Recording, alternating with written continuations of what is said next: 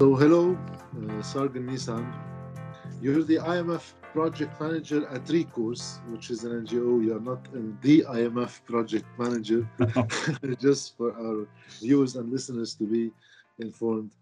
But uh, you are uh, well researched, well informed about the IMF, and uh, you've been tackling the issue of the IMF for some years now. Uh, and that's why I want to uh, begin this interview with you by asking a question concerning the IMF as an institution as a whole. Uh, there is lots of polarization, it seems, not only in Lebanon, in many places in the world, whenever the IMF is in the public discussion, either it's the uh, bad guy in the room or the good guy in the room, but more so about the ideology, let's say, of the IMF or its policies, where it's generally uh, disdained by some while uh, applauded by many. If you want to begin with an overview, a historical overview about the IMF as an institution, did it change with the years or or not? Or some of the aspects of the IMF changed and some didn't? What can we say about the history of the IMF? Thank you, Jed. Yes, it's definitely true that I do not work for the IMF. Um, I'm a, I'm a long-term uh, watcher of the IMF. So, um, though I don't know if anybody has been around long enough, because of course it was founded along with its sister organization, the World Bank, uh, in 1944. So this is an institution um, in its 70s, and uh, uh, it has like most people in their 70s, you know, lived different lives and played different roles as the world has changed around it. So its original function that it was founded to do is to be a sort of credit club. The sort of thing that it's not a bank. And this is a really important understanding that we should always keep in mind. It is a club of, of, of, of countries. It's a member organization. And together they each put in a share, though not the same amount.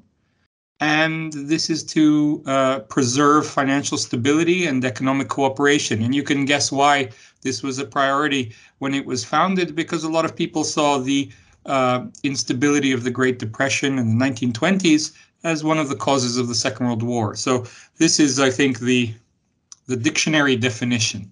And what's the reality? Well, it's changed a lot since then, and maybe it never was that. But I think uh, you describe a, a highly polarized uh, debate about the role of the IMF, in, and you said, I think rightly, that this is not restricted to one place, Lebanon. Uh, uh, alone, but in many instances. And of course, I come from a critical perspective. My work in the NGO sector has usually been to uh, support uh, people in countries where the IMF is active to challenge the role and impact of the IMF. So, you know, you, you, and your viewers should be conscious of where my bias lies. But I think it's fair to say that, you know, the IMF is often uh, a very polarizing institution. And it comes at times of great crisis because it is there to lend only if a country has no other um, source uh, of investment or lending.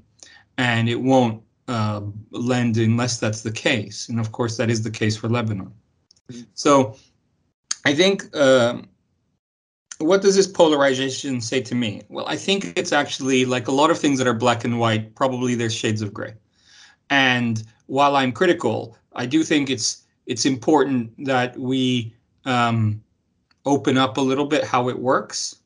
And I think the first thing I would say about that polarization is that the actual role the IMF often plays is like a shield for the creditors, the people ultimately, the countries ultimately that provide the lending capital. So that's the rich countries. And it's a straw man for borrowers. A straw man is a is a in an English idiom, which is a false enemy.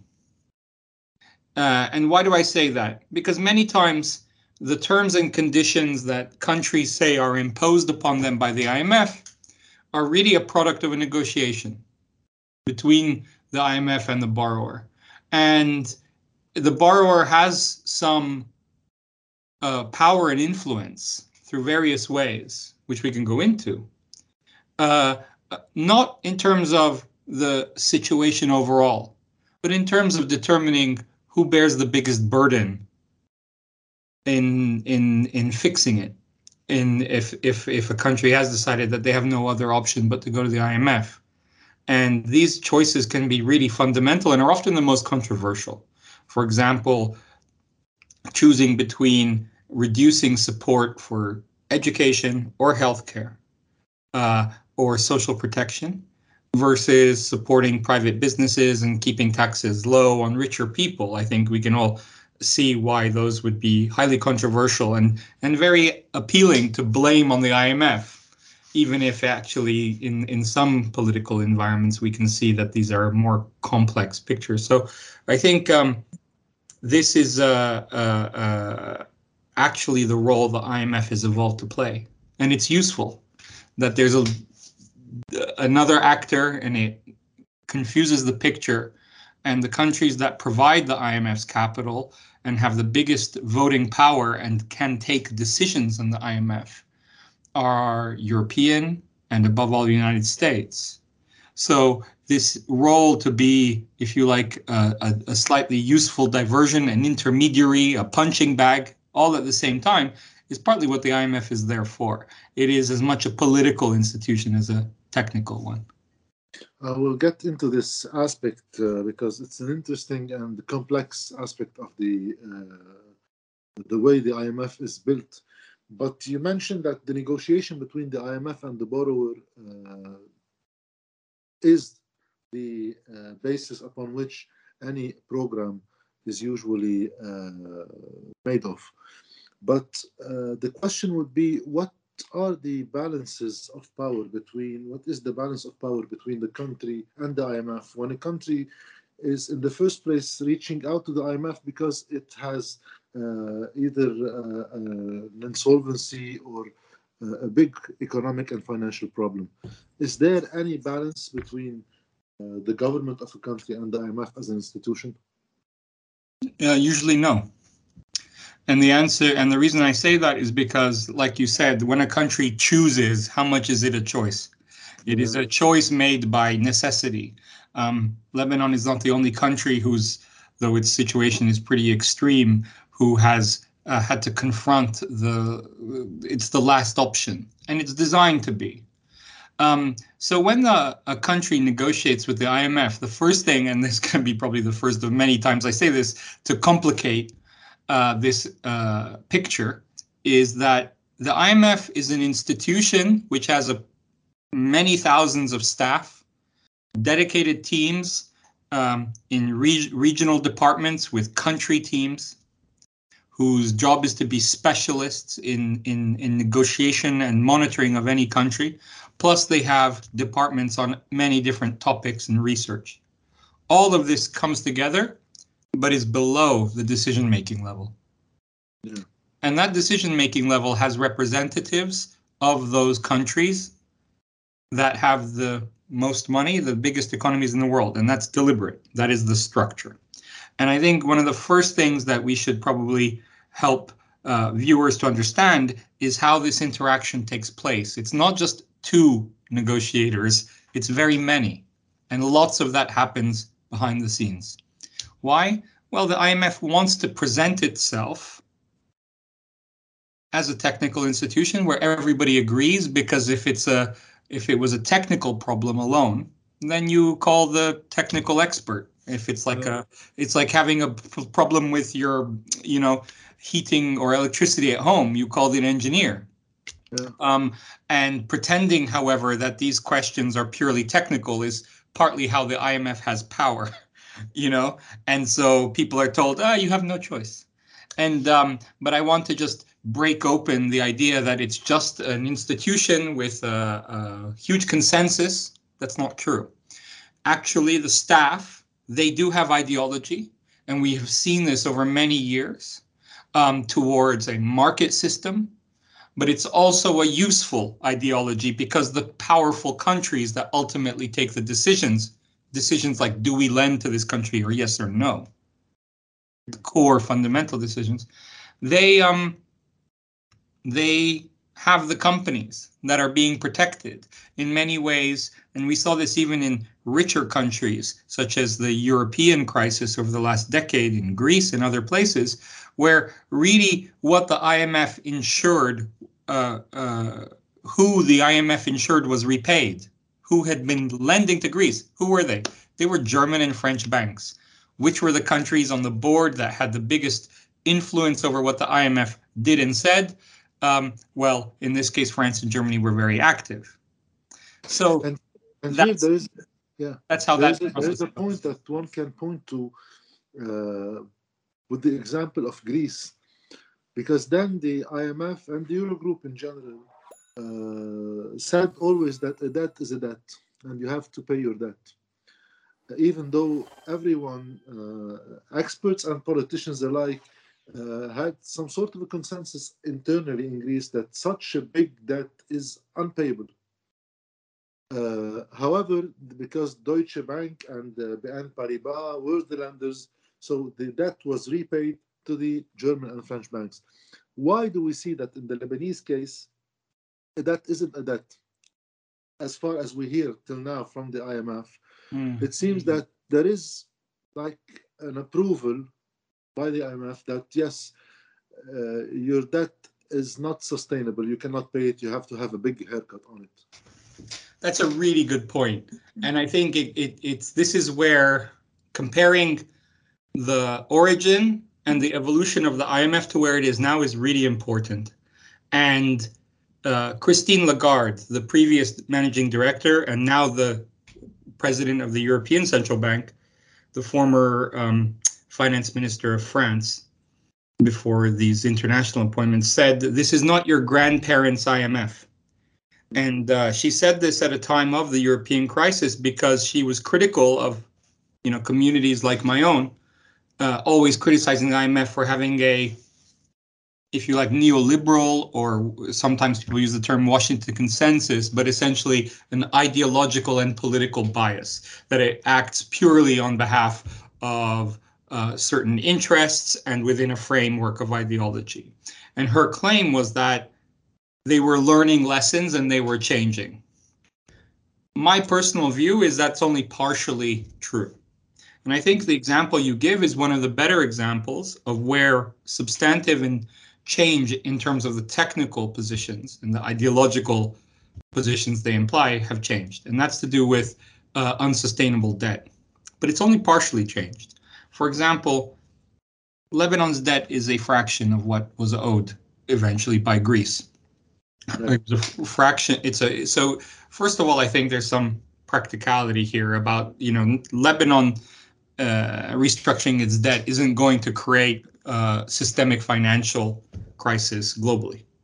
Um, so they can afford to be more uh, less ideological, but also the criticism and the IMF underwent, I would say probably uh, the peak of this was in 2007, an existential crisis. And the reason was that during the period of boom uh, up to around the, the, you know before the global financial crisis, and remember 2008 was when the American bank Lehman Brothers went bust. Um, and this existential crisis was almost that uh, look back now the naivety of those times argument that of many people in mainstream economics and, and politics that the era of crisis was over. And there was an expectation that the IMF, which is self-funded through its uh, lending, um, was not sustainable. In fact, there were budget cuts for the first time. People were losing their jobs, and these are, you know, pretty great jobs. You get very generous salary and tax-free, and your kids, you know, if you're in Washington, you know, these are these are highly educated people. They are usually PhDs in macroeconomics. They are from the global elite. And so this was a shocking existential crisis. But very soon the IMF was needed again because the it wasn't the end of history. It wasn't the end of boom and bust. And and we learned that financial crises um, are are still a problem. So I think the lessons of that period, in particular the political pain and scrutiny that they underwent during the global financial crisis um, has led to a greater pragmatism. And I would point to a number of things. One, uh, a move away from the Washington consensus to a more uh, institutional and mixed view of how the economy works. Two, longer termism in the way the IMF is engaging, and that actually is very worrying because it's not structured to be long term. It's not accountable for long term decisions and yeah. and and so on. So we can go into that, but and and but certainly on a few areas of real importance to Lebanon. One you mentioned, debt sustainability, and another that I would flag, which is an openness to capital controls or what they term capital management. Because, of course, Lebanon is a form of regional financial center and capital flight, inflows and remittances are hugely important. So I think this is partly the IMF uh, confronting a degree of reality, but also uh, having more space to be more honest in these unsustainable situations. I can point to other situations right now where they're not being so honest. Argentina, for example, which is I think represents one in four dollars ever borrowed from the IMF because of its scale. And so, you know, it is a mixed picture. So uh, some things change, some others, some other things don't change. It depends on the political and geopolitical situation and the economic situation of each country. Uh, I have several questions here. You mentioned that capital control is one of the points that usually the IMF uh, in the past didn't push for or didn't ask for. Is that what you meant by now yes. in Lebanon? They are asking for that? Oh, okay. Just uh, clarifying this well, point. I, I can go into that a little bit more, but carry on. Yeah, no. Let's let's talk about this issue because I have uh, a, a follow-up question on the uh, positioning of Lebanon versus Greece as an example to be mm-hmm. to be made. But uh, let's talk about the capital control issue because uh, uh, it's uh, always a big yeah. issue in Lebanon. I think capital controls is another good example, like debt sustainability or levels of debt, whether they can be repaid, no matter what the political cost of creditors like BNP Paribas or Deutsche Bank not being repaid. And I think capital controls is similar because it also is a situation where ideology confronts reality. And what changed was a decade ago, just over, during the uh, uh, acute financial crisis globally, uh, that let's not forget came from big financial systems of the world's biggest economies. Um, the practical reality, especially for significant economies around the world, was that there was a economic crisis being imported into their economies that they did not create, they were not responsible for, did not reflect a problem with their economy, but was simply uh, uh, uh, a vulnerability. And I'm talking about countries that are very rich and whose policies exactly conform to the free market ideology associated with the IMF. Switzerland, Chile, Brazil, you saw these countries who have the economic freedom. They weren't, you know, asking the IMF for, yeah. for loans, so they had the policy freedom to say no. We actually are going to impose some form of capital control because money streaming out of our economy because banks somewhere else need it suddenly, and we're a good, easy, quick source is not helpful and healthy nor fair if it suddenly exposes our financial system.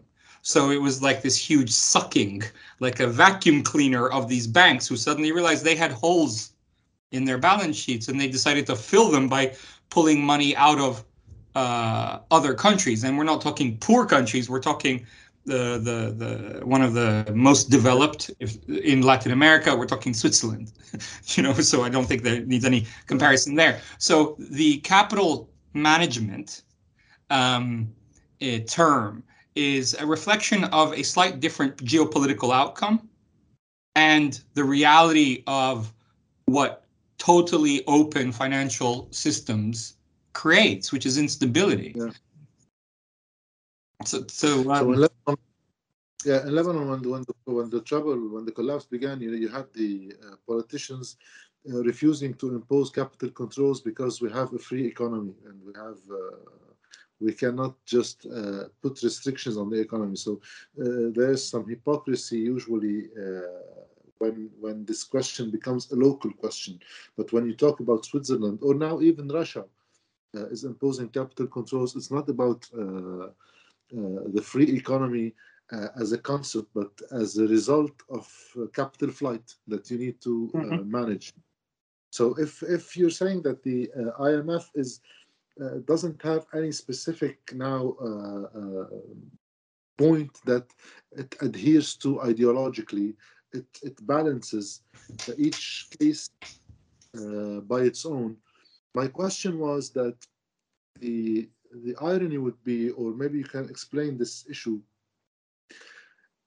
One can say that if the geopolitical uh, strength of the country or its economic impact outside its borders is higher, its balance of power with the IMF should be higher because it impacts more than its own economy. It's not Lebanon it's let's say Germany. If Germany is in trouble, mm. so the whole uh, Euro group and the whole world might be in trouble. How come that in the case of Lebanon, we see that the IMF is a little bit lenient? That we can we can say lenient, uh, like accepting that the debt is unsustainable and accepting the uh, idea of capital controls. But in the case of Greece, where it has a bigger power or a bigger impact than Lebanon on the uh, euro as a whole, it was tougher. It shouldn't I mean, be the other case a, around. No, I think I think this is. I mean, I'm smiling because you've asked me such a difficult question, for which I'm not sure that I've seen anybody have a compelling answer. What I would say is that I don't think your characterization um, is totally true in the sense that the IMF is abandoned ideological value. No, ideology is still there. And if you look at where, um, and you can see this in reports from its own independent valuation office, which only exists because of the scale of the failure in the Argentina loan 20 years ago, um, one of the many uh, leading up to today. But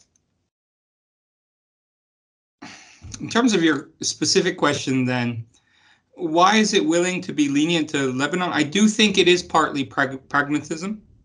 I do think it is to do with the chronic scale of Lebanon's challenges. Um, but Lebanon is an unusual economy, um, and and there are other examples around the world. I think where there is uh, of this sort of regional financial center function um, so that it's not similar to the countries with whom it has often most yes. economic in, uh, interactions. Um, what I think is important to understand, though, is the pandemic. Um, in the last two years, uh, roughly, of the pandemic, the IMF made uh, over $100 billion available to uh, almost 90 countries. And most of this money was provided under new lending, uh, uh, uh, new types of loan. And those are new um, in the last 10 years. Why were they created? Because of how badly the global financial crisis uh, uh, exposed the IMF's approaches, how limited they were. And the example of Greece and how, you know, the IMF was saying one thing and the whole world, no, no, you didn't need a PhD in economics to see that it was not true. And they themselves knew it. What's a, a separate, really interesting question is how the IMF has a long history of being able to have many, many faces and say different things at the same time, depending on who is saying it and, and to what purpose. And I think this is what I'm, the whole point of what I'm trying to say is that there is a, the IMF is almost like, it's like the parliament building for countries. Mm-hmm. It's where the negotiations happen, but they pretend it's not. They pretend it's just the engineers faculty and they're there, you know, fixing the economy with their instruments.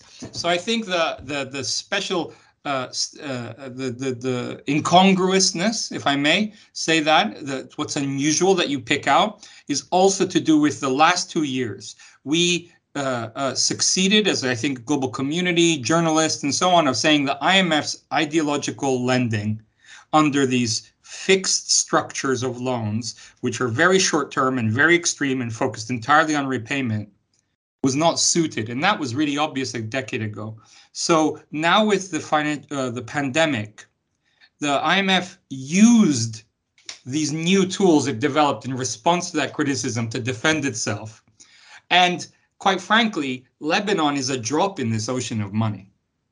And actually, there's almost like an opportunity for a reset. Like if you play a video game and you just start over and you get a free life for the IMF. Why? Because they can uh, uh, wash away in this huge crisis a lot of the contradictions and give countries the opportunity to restart, you know, restart their engine because it's like a collective stalling of uh, of the engine of the economy for everyone. So I think that there is a um, local factors to Lebanon, um, some long-term factors about how the IMF is changing, but also some very short-term recent factors which have combined for this situation. Before I ask you some questions about the political uh, uh, engineering of the IMF, you uh, you tackled it a little bit uh, before, but uh, you mentioned something about the different tools that now the IMF is uh, dealing with, like having a longer term approach to the problems and even may have some longer term programs. I'm not sure if that yeah. occurs or uh, with what you said that it's against the IMF structure and what it was supposed to do. What did you mean by this contradiction here? Mm -hmm. I mentioned that when the IMF was founded, it was founded alongside the World Bank. Both institutions were founded um, at the same moment, the end of the Second World War, and the bank is a bank. It has multiple facets and it's actually uh, uh, many institutions, but for, at its core is a bank which invests long term, and its mission was reconstruction and now has evolved into development. The IMF is not that. The IMF is to stop situations like the uh, one Lebanon finds itself in, and as soon as the situation is restabilized, to allow the country itself and maybe with the support of the World Bank to grow. So if you like, the IMF is sort of like the emergency room in the hospital, and the World Bank was more like, you know, not just the health system, but the schooling, and so on. Uh, the IMF was there to stop the heart attack um, or to prevent it. And this is now beginning to change. And it's to do with probably a reaction to the criticism it's received, especially in the its existential crisis over the last 20 years and its legitimacy crisis over the last 10 for this mm-hmm. strange period of being told it was irrelevant to suddenly critical again. Um, so the implication is this, and perhaps we in civil society, like myself, need to be uh, uh, self-critical uh, about whether we what we are doing. And that is to say, we have made some successes. We criticized austerity and the bank and the IMF's role for the last 25 years in the Asian financial crisis, in the Russian financial crisis, and in its impact and the legacy it's left. The uh, consequence is that the IMF has begun to, over the last seven years, uh, acknowledge and now uh, it, it says address issues like inequality, including gender inequality, uh, climate change, social protection, which covers a lot of different aspects from you know of, of social services, and in a way, uh, and with a very recent uh, thing which is going to be announced very shortly, and which Lebanon could well be a candidate to receive funding, is a new trust. In August of last year, the IMF finalized a process which approved by its membership to increase uh, something called the SDR, which is the internal IMF currency and this created 650 billion dollars. But it was shared. It, it's like uh, the bank increasing its capital. Yeah, we had our share uh, about a billion. And, and yes, and I checked, and you used it, I think, immediately to repay existing loans. Um, no, they, they, used it uh, just to stabilize the uh, exchange rate. Ah, yes. So, yes, and the the reality of how the IMF is structured and its decision making reflects this fact of quota of each country's share in the IMF, reflects how much power it has in votes. And this uh, is also determines how big your piece of the pie was of this uh, SDR allocation, which, as you said, Lebanon used to repay loans. Uh, no, excuse me, I said that to to Yeah, sustain its, its exchange rate. Regardless, that means that two thirds of that 650 billion dollars stayed with the richest countries, and there's now discussions, and we expect to see something by April announced formally of a resilience and sustainability trust, which will be a, a, a, a trust managed by the IMF uh, to receive some of these rich countries extra cash that they received much more, but only as loans, and to provide loans to countries which already have an IMF program. So that would be Lebanon if a loan is agreed and a process is agreed. And that would be to augment the country's capacity. And it's really it's it's learning from this uh, improvised approach that occurred over the last couple of years in the pandemic. What's really worrying to us in civil society is that this is clearly something needed, but $50 billion to maybe 100 countries potentially is really not a lot It's over 10 years. And uh, uh, the Barbados prime minister said that the Glasgow COP meetings of the um, climate negotiations in December, she said, let's not forget that quantitative easing by rich countries was over 17 trillion dollars. Yeah. So that's, you know, uh, compared to 50 billion, it's just not even close. And uh, that's, uh, yeah, one time, I can't even do in my head the math for Yeah, that. yeah, but yeah. it's just, It's yeah, it's a lot, it's hundreds of times. So what I, what this is already pointing to is these factors where the IMF is looking at these structural aspects of the economy, like inequality, but also what it's always looked at structurally, like markets and competition and the role of Yeah. uh, private capital. It's almost expanding its footprint. And with this new trust of 50 billion, it will formalize the role to have loans that go on for 10 or 20 years. Um, I think that they were looking at having 10 year loans that only need to be repaid after 10 years. This is much more like the idea of a bank. This is much more like the idea of an institution that is shaping generations' future.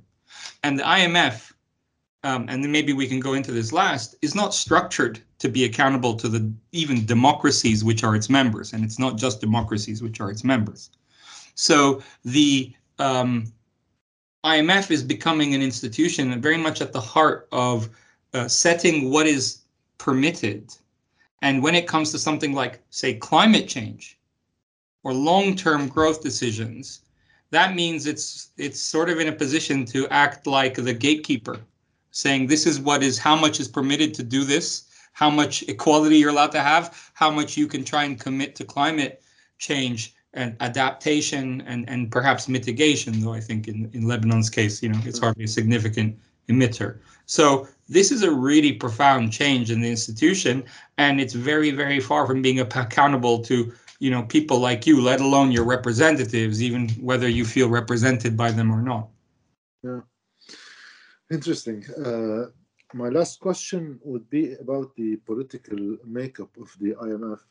Uh, it's obvious that uh, the the makeup, the shares that each country has, dependent on its quota, is already political because one can see that uh, Japan has a more share than China, which doesn't reflect the size of the economy, but it reflects a political standpoint. Uh, how is the how can a country feel this political orientation of the IMF? Because one can easily say, okay, it's an American tool, but it's a more complex issue than just being an American direct tool for foreign policy. Mm. How can a country like Lebanon feel uh, this uh, political makeup? Good question. Um, it helps to understand how the decision making happens. And I already described the fact that the institution has a professional staff that is very, very large, but it has a board that is 24 people. Um, eight represent their their own their home country and nobody else. UK, France, Germany, United States, China, Russia. Um, and the other board members that would leave um, 16 represent groups of countries or constituencies. Mhm. Um, African countries, for example, uh, have two constituencies. 45, I think, uh, com countries are covered by two people, who's uh, usually appointed by the country with the biggest quota share. Hmm.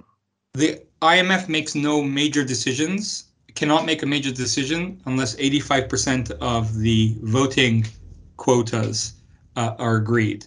The United States alone has enough to block any decision as a result. Yeah, they have 16%.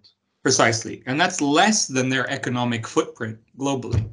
But they've given their extra because once you have enough to block, you don't need any extra.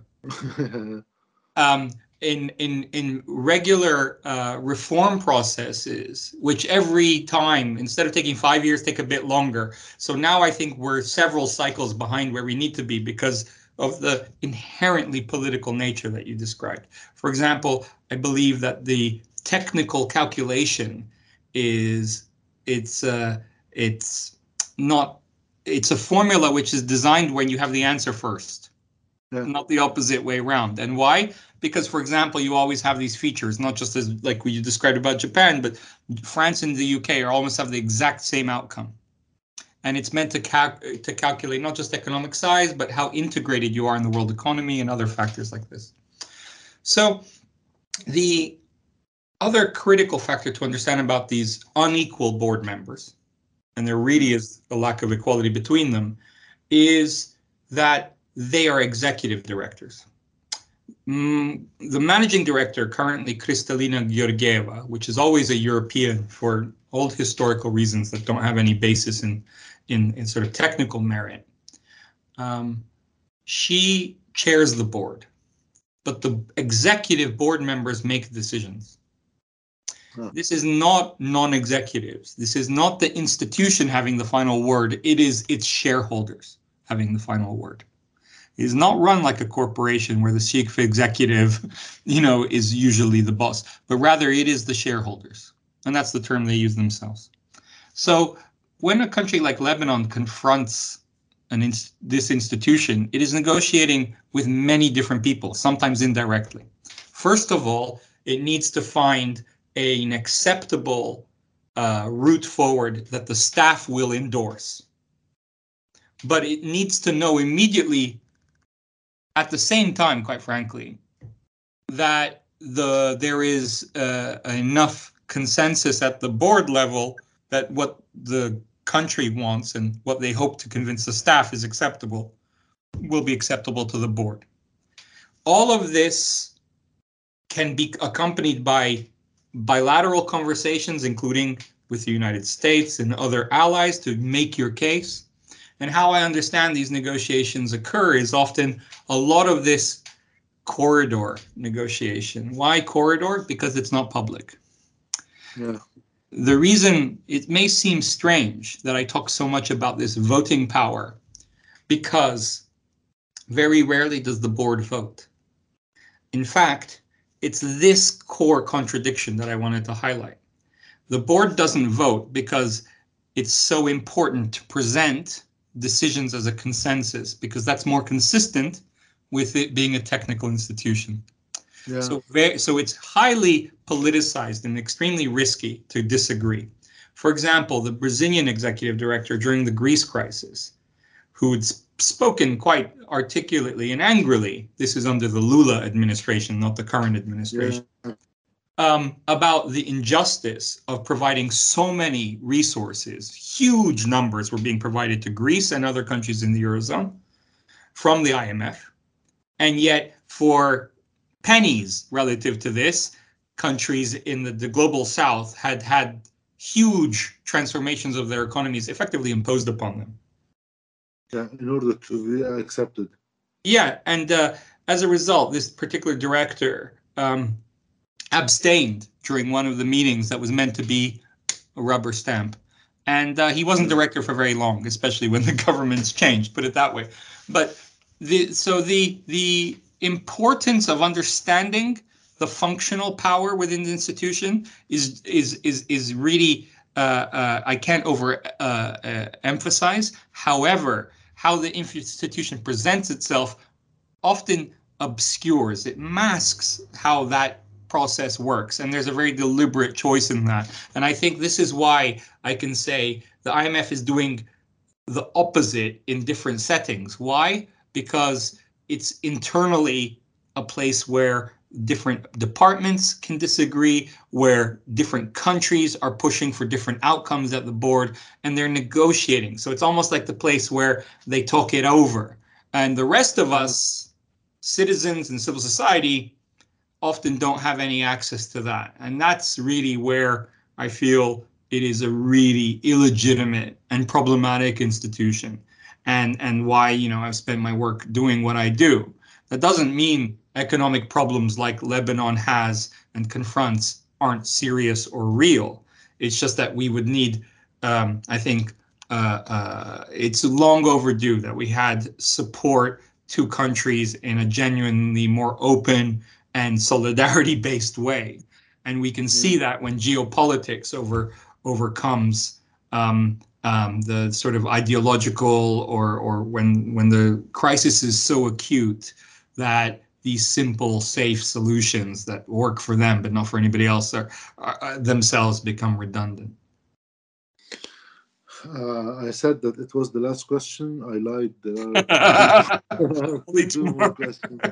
yeah, just small questions, and maybe the the the latter one can be a long question, but just a small uh, clarification. Uh, usually, when a country has a program with the IMF, usually it doesn't uh, it's not the rule but usually uh, during a crisis a country has several imf programs that's right so uh, it's it's certainly very common and some countries have a chronic relationship if i can use my health or illness metaphor again mm-hmm. it is a chronic relationship with the imf and in effect, my point about how it's somehow new, the IMF is becoming more long term and structural, that's a little bit uh, untrue because, in a way, when you look at its relationship to certain countries and um, Pakistan, for example, which has recently had a, the the the I think it's 13 loans in 30 years, and usually the loans are for three years. So 13, I mean, how can that work out? Or and many of the loans themselves carry the last ones into them. And mentioned Argentina as well, and um, a mix of factors. And you know, immediately you can think Argentina is not an insignificant state. It's large. It's G20 member. In Pakistan, for lots of geopolitical reasons, um, is a state. Perhaps Turkey is another example, more close to Lebanon in regional terms and and and maybe many of your viewers will be more familiar with its recent history that it also has this characteristic and of course the IMF becomes very hated and and and very well known i think in the elections in argentina you've had campaign slogans saying you know thanks to me your kids don't know what the letters imf stand for. And that was an argentine campaign broadcast um, saying we haven't had them here for a, at least 10 15 years. Um, so this uh, this quality of uh, repeat loans, I suspect, and if you look at the, how much it's happened, is is something the IMF themselves know very well and and probably internalize in terms of saying we want to uh, uh, we will accept only X Y Z in terms of degrees of cuts, fiscal or economic targets that cause so much hardship. Um, mm. But they may not, but they may well be, and this is me speculating, well aware that that's not politically possible. And maybe another government or two uh, down the line is finally going to get there, and the IMF is just going to keep mm. pushing. And why is it the IMF doing that? Because the board has decided it's that's acceptable. In a country with nuclear weapons like Pakistan, maybe they've often said, no, no, we'll we'll we'll close the eyes to this and we'll waive that. You know what I mean? Because yeah. there's obvious other considerations that the major shareholders have. Um, and I think we've seen that in the last decade in places like North Africa and Egypt, um, in particular, uh, where uh, the IMF's usual stringency was not quite as apparent. And I sus- my suspicion is you know, or that it's a part of this bigger pattern that many have documented academically, and even the IMF's own independent evaluation office has talked about. Um, uh, problems of, uh, you know, overly optimistic forecasts of its own deals and so on, which means that it pretends like it didn't know they would be back at the negotiating table in short time. Yeah. Uh, my last question is about uh, an example that you told me about in our previous conversation. It was yeah. recorded, but it was interesting to me, and uh, uh maybe uh, one can elaborate on when you were trying to think of, a, of uh, some cases with some similarities to Lebanon, and you had the example of Ukraine. And but we, spoke before the recent invasion. Yeah, yeah before, before, so before just just for the benefit, yeah, yeah, not related to what's happening now. Mm. But uh, we didn't elaborate on the issue back then, so uh, Uh, it's an interesting point, especially now that we hear a lot of Ukraine for all the other reasons. But one can maybe understand yeah. the idea.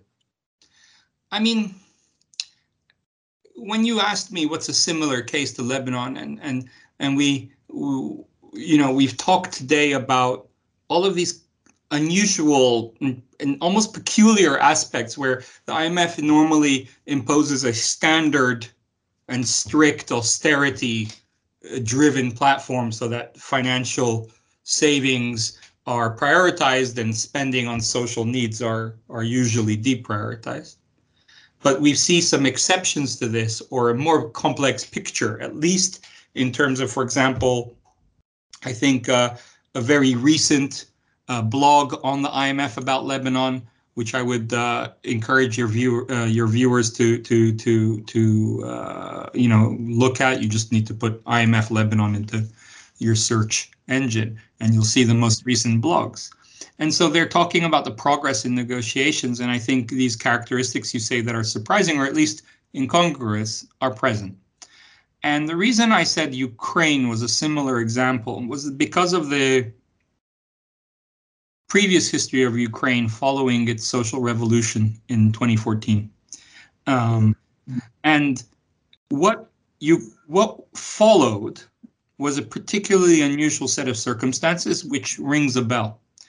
That is to say, the struggle between very significant economic interests, many of whom popularly were viewed as corrupt and integrated with certain political factions, um, versus a growing popular will to confront them.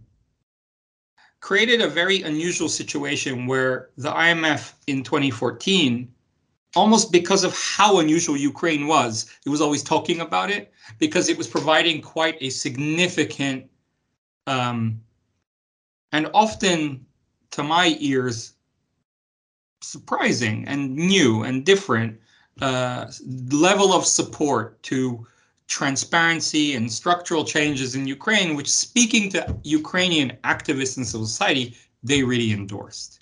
Now, often the IMF says lots of positive things, and the, the people who really endorse it you aren't civil society in the way that I would see it. They might be business people and chambers of commerce and so on who say, great, yeah. love what the IMF is saying. But that's not the kind of people I mean in this instance. And so the re, the the what made me feel that there was a parallel was simply that a very unusual geopolitical situation in Ukraine up to uh, uh, the overthrow of the previous president and the, this popular desire and the fact that that popular desire in this case happened to be uh, sympathetic to the major shareholders of the IMF yeah. That, so that's a very convenient, but it was a real alignment. And that gave the IMF as an institution the freedom because it knew it had the backing at the top to really um, in, uh, commit and give a lot more breathing space to Ukraine as a borrower country, as a highly vulnerable country, as a fragile country. And I think that this is one of the th- situations with Lebanon, though I think there's some important differences. It's not that Lebanon has the same uh, uh, benign um, perspe- perception from the IMF's major shareholders as Ukraine did in 2014 and subsequently, yeah. but rather there is, I think, a realization that the extent and of the political stalemate, um, the instability of uh, successive governments, the, the need for physical reconstruction, the proximity and the presence of conflict in Lebanon um, for many years, and the, the, the extraordinary uh, burden of uh, refugees that Lebanon has taken on. These are all factors that you cannot uh, uh credibly claim are because of poor economic decisions, you know? Yeah. And sure. so, uh, for different reasons, perhaps, and because the Lebanon's scale of need on the global level is not significant, um, I think provides uh, a, a, degree of breathing room uh, for Lebanon that doesn't really reflect what a debate that is purely polarized from it's all bad or it's all good. At the end of the day, uh, the, the, the Lebanese representatives, the government will at one point have to make choices because a highly financialized economy like like Lebanon's is is unable to restart without uh, making some certain choices and cuts. And I, I note the IMF still points to things like the energy sector, um, and and significant financial sector reform. And and those terms are very open and ambiguous. And those could be highly pro progressive if you if you will but they could be also highly toxic and and negative. It really is but i do think it is up for grabs and that's i think not always been the case when small poor countries confront the imf a better outcome is possible Thanks a lot uh, for this enlightening discussion, uh, such wide-ranging uh, uh, cases that we uh, looked for and asked you for. So thanks a lot, Sargon Nissan, and hopefully a couple of months or years from now, we will meet again and we can talk about what's really happening Uh, with the IMF if Lebanon at one point uh, was able to have its own program and then we can assess. Yeah, well, which is the right course? I, I certainly don't know. Obviously, you're well aware how how often IMF yeah. programs are not a good sign and and lead to just yet more suffering. But um, yeah, I certainly hope for the best for you, your country. I I know Lebanon well and have been to Beirut many times, and uh, hopefully we can do that meeting in person. Hopefully, thanks a lot. Thank you.